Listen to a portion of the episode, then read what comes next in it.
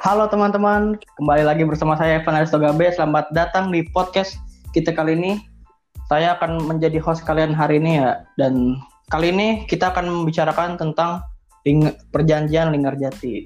Nah, kali ini gue punya dua tamu spesial nih. Angela Esther sama Jessica Arlen. Halo dulu dong, halo halo. Halo. Halo. Nah, perjanjian Linggarjati itu berawal pada persetujuan Belanda dan Indonesia kejatuh senjata pada tanggal 14 Oktober.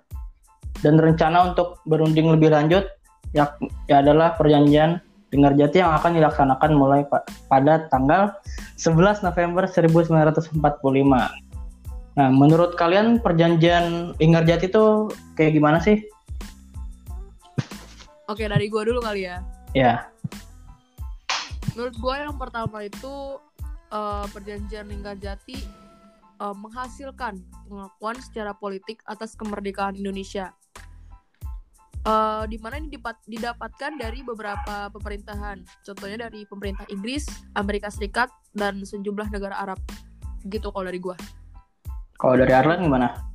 Kalau menurut gue sih, um, kenapa kemerdekaan Indonesia itu harus banget dapat pengakuan secara politik? Kenapa? Kan kita udah punya nih faktor atau unsur negara uh, supaya kita bisa berdiri, yaitu kita punya wilayah, punya rakyat, terus pemerintahan yang berdaulat, sama uh, tinggal pengakuan dari negara lain. Kenapa kita harus banget uh, dapat pengakuannya itu dari Belanda? Kenapa nggak dari negara-negara lain gitu? Uh, Sebenarnya begini, pengakuan secara politik ini kan tadi bukan dari Belanda ya sebenarnya. Dia itu dari pemerintah Inggris, Amerika Serikat, dan sejumlah negara Arab. Dan di mana pengakuan secara politik ini bertujuan untuk menunjukkan eksistensi Indonesia di mata dunia. Jadi untuk memperbaiki citra Indonesia di mata seluruh dunia gitu. Oke oke. Nih saya lihat di sini di syarat-syarat negara nih ada dua pengakuan nih, ada dua pengakuan jenis. Eh, jenis yeah. dua pengakuan, dua jenis pengakuan. Nah itulah ada de facto dan de jure. Nah waktu itu pada saat zamannya Indonesia tuh pengakuannya apa? De facto apa de jure? Pada saat itu uh, Belanda itu mengakui Indonesia atas tiga wilayah, yaitu ada dari Jawa, Madura, dan Sumatera. Dan ini diakui secara de facto atau sesuai faktanya, tidak bergantung pada hukum. Uh, pengakuan Belanda ini uh, juga mempengaruhi kemerdekaan Indonesia, di mana dia mendorong negara lain untuk mengakui kemerdekaan Indonesia secara sah. Jadi, pengakuan politik tadi didukung dengan pengakuan de facto ini. Gitu. Oh, iya, tapi kalau menurut gue sih, uh, gue nggak setuju ya sama wilayah kekuasaan Indonesia. Karena wilayahnya tuh jadi sangat kecil. Masa cuma terdiri dari Jawa, Sumatera, sama Madura. Terus juga Indonesia tuh harus ngikuti persemakmuran Indo-Belanda yang diketuai oleh Ratu Belanda. Di sini kan ketahuan banget kalau Belanda tuh kayak gimana ya, kayak um, cuma memakai Indonesia supaya Indonesia tuh nurut sama Belanda gitu, kayak dimanfaatin gitu, iya nggak sih? Iya sih, tapi, tapi kan kan di Belanda sama Indonesia kan Indonesia di apa dirugikan nih, pasti ada perlawanan dong. Ada nggak? Oh, iya, ada nggak tuh perlawanan dari luar maupun dari dalam di perjanjian lingkungan? Ada. Nih, gimana? Iya, kalau kalau hmm, perlawanan dari luar itu ada agresi militer. Nah, agresi militer ini uh, ada agresi militer satu itu karena perjanjian ini dilanggar oleh Belanda. Hal ini dinyatakan oleh Gubernur Jenderal H.J. Van Mook pada tanggal 20 Juli 1947.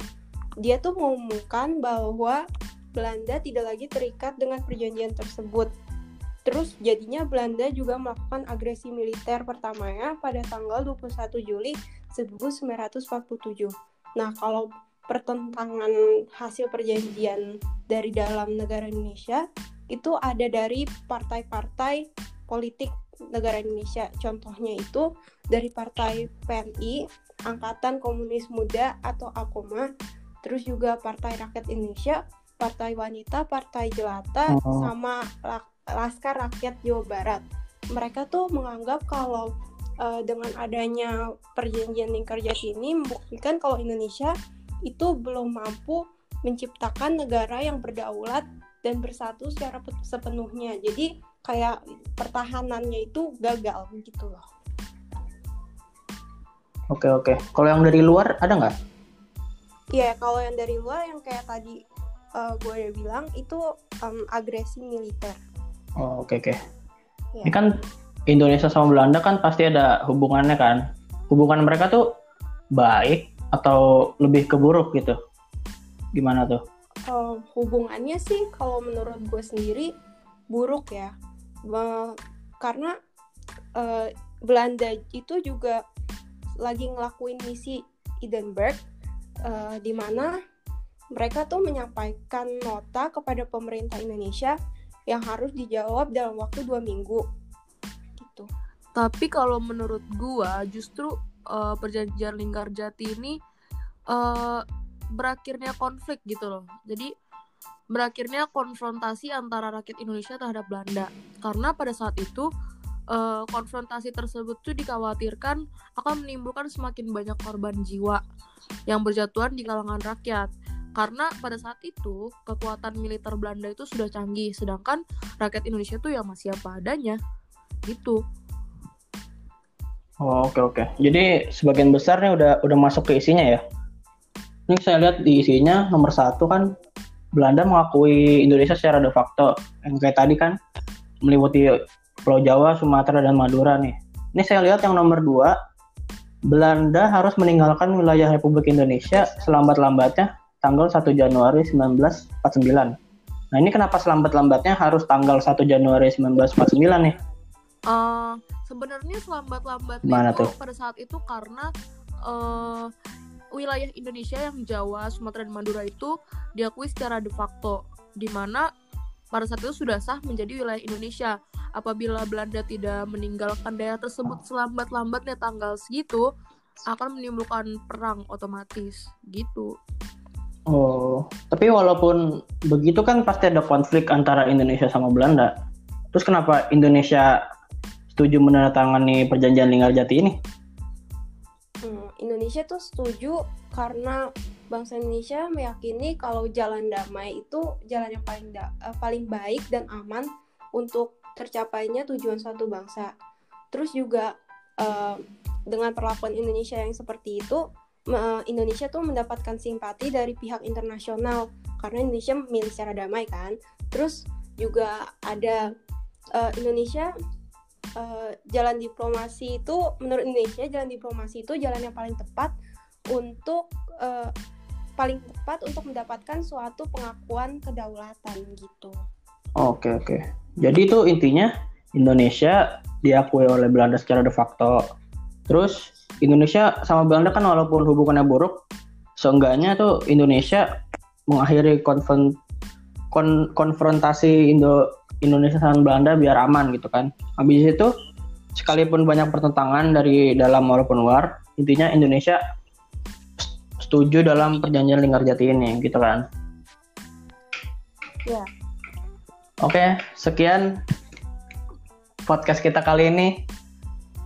Semoga yang dengar senang, yang yang bacain podcast juga senang.